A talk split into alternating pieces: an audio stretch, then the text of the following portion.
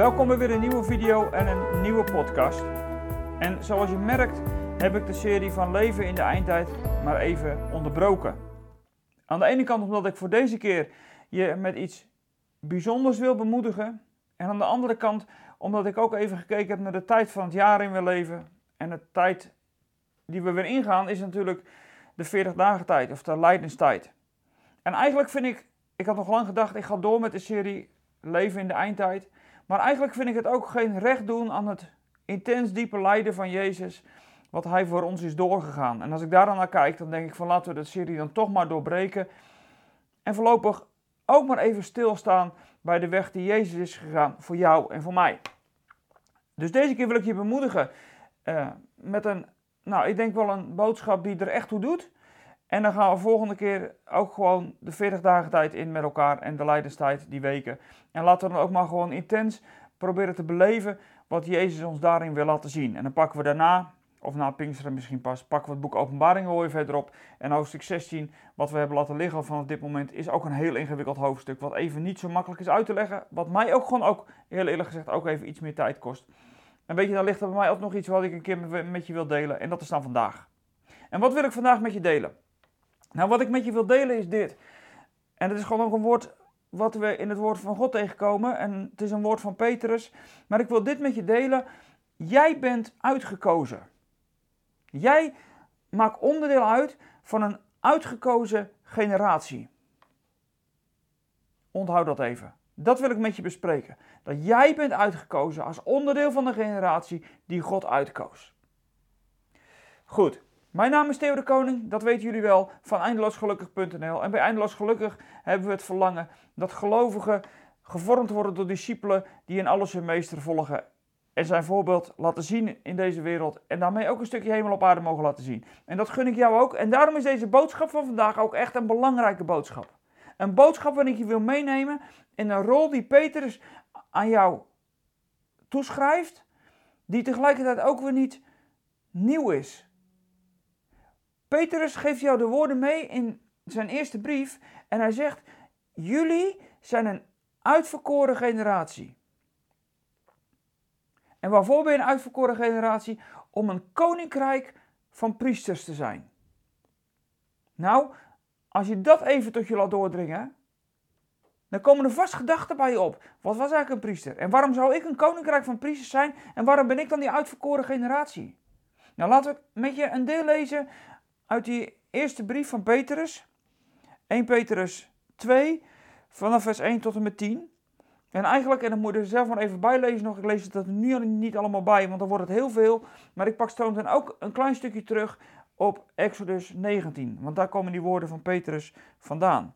Maar het gaat mij vooral even om 1 Petrus 2, de eerste 10 versen. En eigenlijk maar een aantal versen weer van dit gedeelte. En dan heeft Petrus een prachtig mooi begin geschreven aan zijn brief die schrijft hij overigens aan vreemdelingen in de verstrooiing. Zo begint hij in hoofdstuk 1.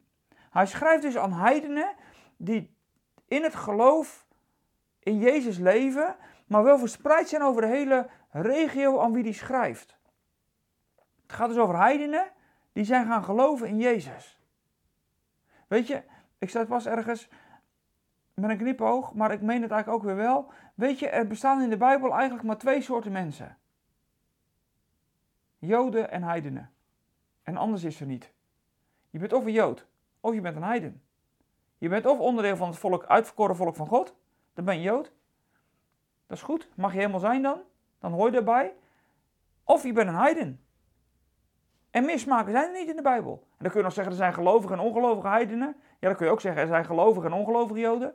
Maar er zijn alleen maar twee partijen, Joden en heidenen. En Petrus schrijft deze brief aan heidenen.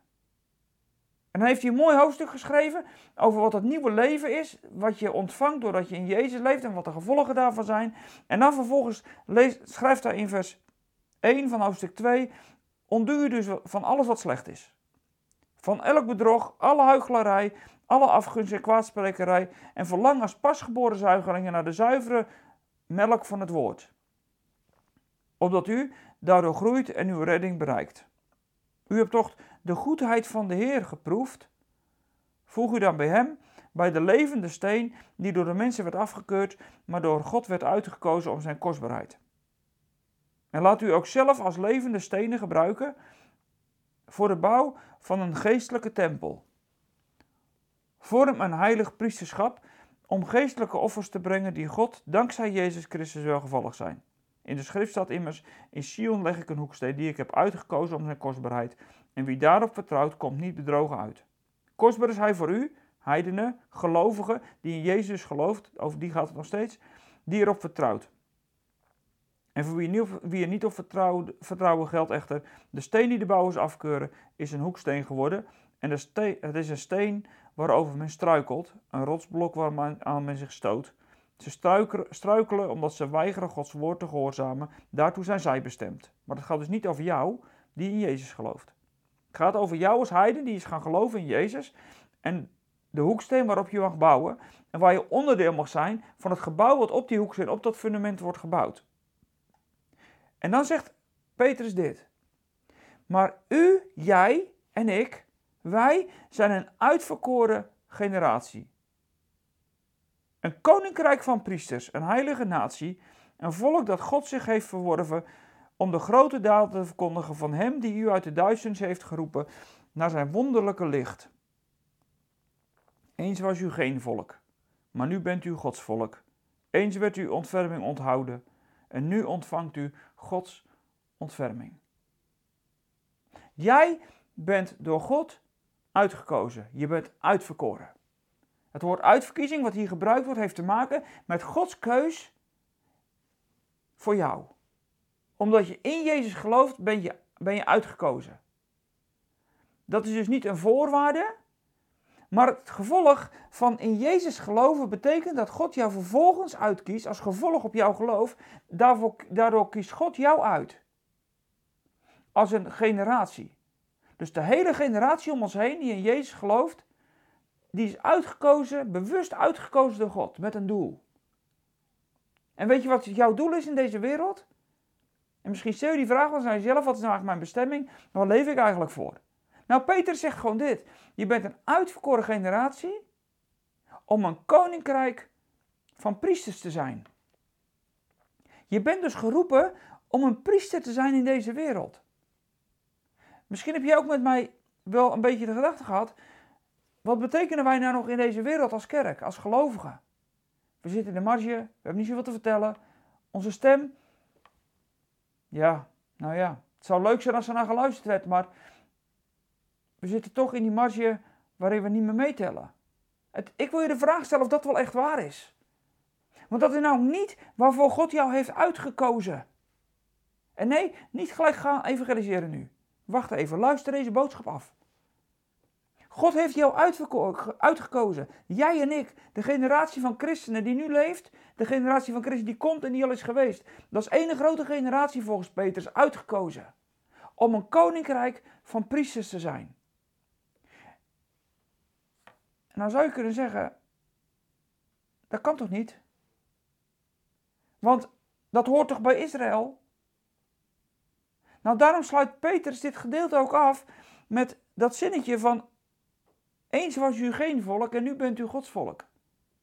En als jij nou Israel-minded bent, moet je niet gelijk boos op me worden. Ik zeg het er maar even bij. Ik zeg dus niet, en dat zegt Petrus ook niet, dat jij en ik in de plek gekomen zijn van Israël. Absoluut niet.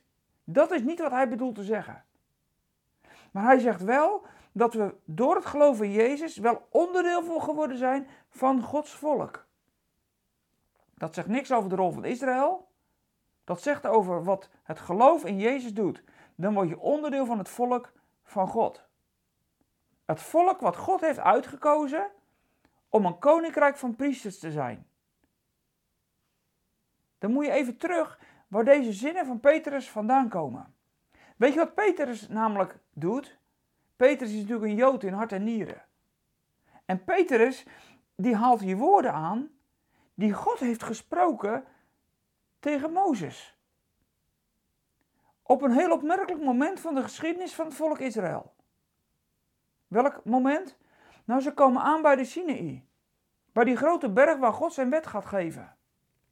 Overigens opmerkelijk, dat dat volk Israël al zoveel honderden jaren heeft geleefd zonder regels van God te hebben gekregen. Waar begon het volk Israël? Dat begon bij de roeping van Abraham. Wat zegt God tegen Abraham? In jou zegt hij tegen Abraham, Genesis 22, in jou zullen alle generaties van de aarde gezegend worden. Dat heeft natuurlijk te maken met de Messias die uit het volk van God zal komen. Nadat het in het paradijs is misgegaan, daarna bij Noach is misgegaan en in Babel is misgegaan, kiest God ervoor om met zijn eigen volk een eigen volk te creëren, om met dat eigen volk ervoor te zorgen dat die Messias, die komst van de Messias, de redder, Jezus, dat dat geborgd zal zijn. En daarom zegt hij tegen Abraham, in jou zullen alle generaties van de aarde gezegend worden. En dan, honderden jaren later, staat Mozes met dat volk gered uit Egypte, onderaan de Sinai-woestijn, om bijna de grondwet van het koninkrijk te krijgen. En wat zegt God dan tegen Mozes? Dan zegt Mozes, dat volk wat hier staat, wat hier onder aan die berg is, dat is bedoeld om een koninkrijk van priesters te zijn. Best apart. Een heel volk van priesters. En eigenlijk gebeurt dan later, als die hele wetgeving is gegeven, dan gebeurt eigenlijk precies wat God bedoelt in het klein in Israël. Want niet heel het volk Israël worden uiteindelijk priesters. Alleen de stam van Levi worden priesters. En wat doet die stam van Levi? Wat doen die priesters in Israël? Die brengen de verzoening voor het hele volk. Ze brengen de verzoening voor het hele volk. Nog een keer. Ze brengen de verzoening voor het hele volk. Onthoud dit even. Niet het hele volk komt iedere keer om verzoening vragen. Dat doen de priesters namens het volk. Die priesters zijn een zegen voor het volk Israël. Want ze bewerken de verzoening door de offers te brengen. En ze zegenen het volk namens God. Dus ze brengen namens het volk het offer bij God voor de verzoening. En namens God brengen ze de zegen bij het volk. Dat is de grootste rol van een priester. En daarnaast nog wat verkondigende taken, wat gebeden. Dat hoort er allemaal bij. Maar de grootste dingen is de verzoening van het volk naar God en de zegen van God naar het volk brengen. Dat doen ze als enkelingen in dat hele grote volk. Dat wat daar in Israël in het klein gebeurt, moet Israël zijn voor de volken. Dus Israël is de zegen voor de volk in hun priesterschap. De verzoening, die wordt dus door Israël in de wereld gebracht. Doordat de Messias geboren wordt uit het volk Israël, wordt de verzoening in de wereld gebracht. Dus de rol van Israël is de verzoening voor de wereld brengen. En tegelijkertijd komt de Messias als onderdeel van dat volk om de zegen van God op aarde te brengen. Dus wat die priester in het klein doet, moet Israël in het groot van de wereldgeschiedenis doen. En nu trekt Petrus de lijn door van Israël naar jou en naar mij. Want op het moment dat wij in Jezus gaan geloven en alles vervuld is rondom dat priesterschap, wat vervuld moet worden, want de, de priesterdienst stopt nu. Na de komst van Jezus is de offercultus niet meer nodig. En had dat gestopt moeten worden, gebeurt natuurlijk niet, omdat Israël niet gelooft. Maar die offercultus is gestopt. En op dat moment geldt dat allen die in Jezus geloven, in de Messias, in de Redder, dat die de rol krijgen van dat priesterschap, van dat koninkrijk van priesters in deze wereld. Jouw rol is dus, jij bent uitgekozen om deze rol te krijgen. Jij bent uitgekozen door God om in deze wereld het priesterschap te bekleden. Los van de rol van Israël als uitverkoren volk van God, geldt in het geheel van de gelovigen dat dat een volk van God is, wat ook die rol van priester dus krijgt. Dus jij, en daarmee de kerk, heeft dus de taak gekregen om een koninkrijk van priesters te zijn. Wat kom jij dus doen in deze wereld? Jij komt de verzoening. Die, namens het volk ga jij vragen om de verzoening bij God. En jij vraagt voor het volk bij God de zegen voor het volk. Als je kijkt in welke situatie wij nu leven, dan lijkt het alsof dat de kerk in de marge terechtgekomen is, in de minderheid. Maar die minderheidspositie is niet zo'n slechte positie.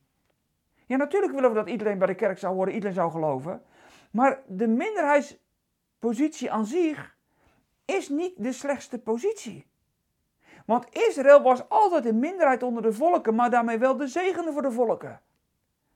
De priester in Israël was wel de minderheid van het volk, maar wel de grote zegen voor het volk. Want stel je voor dat die verzoening er niet was geweest en dat de zegen er niet was geweest. Dan was God altijd vertorend geweest en was er nooit een zegen geweest. En dus dat jij een minderheid bent in deze wereld, is niet zo erg. Want met die minderheid mag jij dat koninkrijk van priesters zijn. Heilig, afgezonderd. Allemaal woorden die erbij komen. Maar jij mag de verzoening voor het volk bewerken. Dat heeft Jezus toch gedaan? Ja, dat klopt. Maar het is nog steeds belangrijk dat wij onze zonde beleiden. Kun je afvragen of ons volk dat nu doet?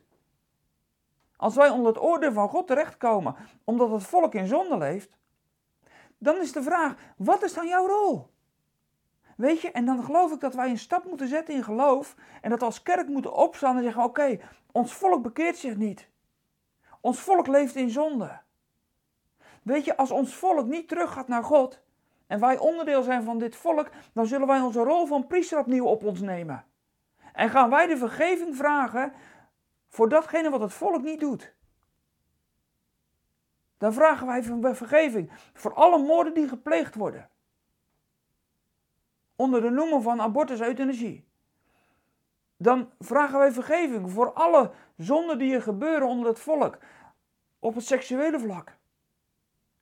Op het afgodische vlak. Het kan maar niet schelen wat. Maar weet je, wij hebben een rol gekregen als koninkrijk van priesters. En koninkrijk van priesters, dat betekent dus dat jij vraagt om die vergeving. Omdat de rest het niet doet. Geloof jij dat elke Jood in Israël elke zonde met een, met een geit kwam oplossen? Nou zeker niet. Maar uiteindelijk moest het op grote verzoendag door die priester allemaal wel weer gebeuren. Of dat rechtvaardig is, ik weet het niet eens. Misschien is dat naar God hoe hartstikke onrechtvaardig dat het door een enkeling gebeurt. Maar God stelt het in. En tegelijkertijd mag die priester, en denk nog maar even terug aan uh, Zacharias, als hij niet kan praten, dan kan hij de zegen niet meer uitspreken. Daar wacht het volk nog op. Het volk wacht op een zegen. Ook ons volk wacht op een zegen. Want zonder de zegen van God heb je niks. Is er alleen maar vloek. En wij worden geroepen om ons volk te zegenen. Niet in hun zonde, want daar vragen we verzoening voor. Maar we zijn wel geroepen om een koninkrijk van priesters te zijn, om de zegen van God te geven. En wij zegenen onze regering. En zegen heeft ook te maken met bidden. Niet zo gek dat in het boek Openbaring, en dat weten we natuurlijk maar al te goed, dan weten wij dat er ook een wierookoffer is. En op die schaal liggen de gebeden van de heiligen. Van de priesters dus. Van jou en mij. Dus onze gebeden voor onze overheid. Onze gebeden doen ertoe net zo goed als dat de priester het wierookoffer bracht. Onze gebeden en het wierookoffer in het Oude Testament, dat is een directe lijn. Dus jouw gebed voor ons land is onderdeel van jouw rol als priester. Ja, die priester klinkt zo oud-testamentisch, maar hij is uiteindelijk heel nieuw-testamentisch geworden. En dit is wat ik je mee wil geven. Je bent uitgekozen man, je bent uitgekozen vrouw. Weet je waarom? Omdat God wil dat de bediening van de verzoening door jouw mond en door jouw woorden doorgaat. En natuurlijk mag je dan het volk vertellen dat in Jezus er vergeving van zonde is. Maar als volk als geheel nemen we ook de rol in om die vergeving voor ons volk te vragen. Natuurlijk is vergeving individueel, maar van God uit heeft het ook met het, met het geheel te maken. Volk en individu is bij God in het Oude Testament nooit los. Het volk is altijd het geheel. En natuurlijk gaat het om, het individu wat straks in eeuwigheid mag leven. Maar dan zijn we ook weer een geheel volk met elkaar. Begint het te landen? Dat, wat jouw rol mag zijn? En natuurlijk staan er dan hele mooie woorden bij.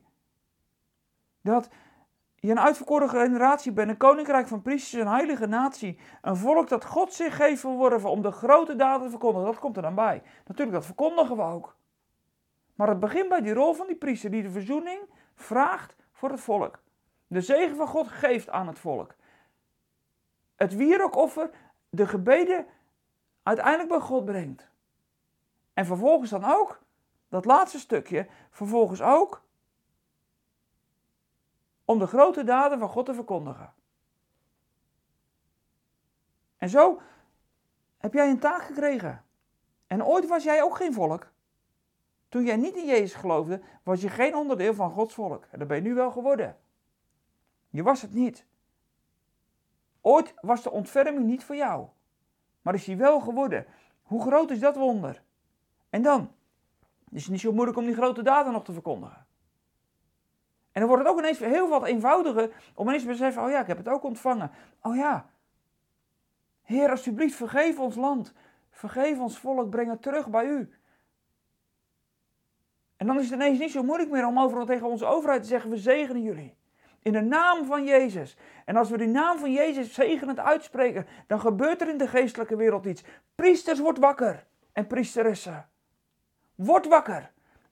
En neem je, neem je rol in. Ga in je taak staan. Wees een koninkrijk van priesters, een heilige natie.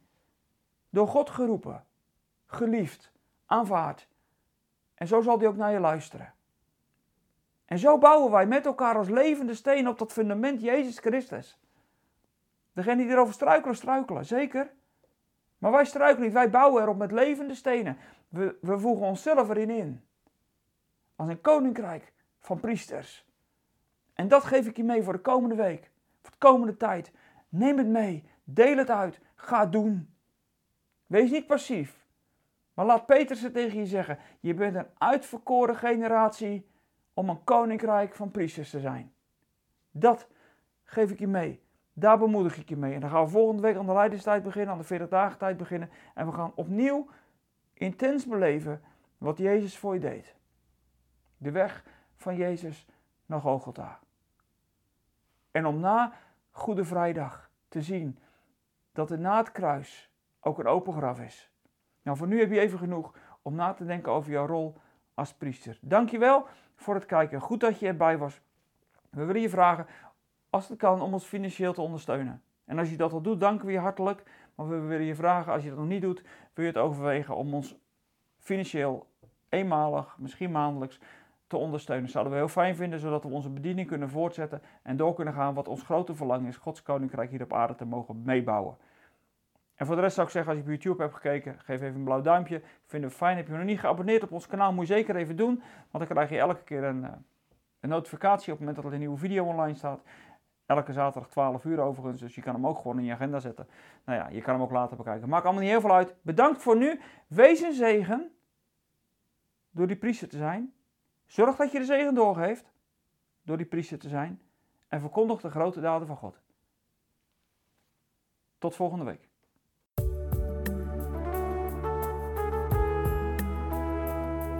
We zijn er weer aan het einde van deze podcast. Spreken deze podcast je aan en wil je ons met de gift ondersteunen? Kijk dan voor meer informatie op www.eindeloosgelukkig.nl/podcast.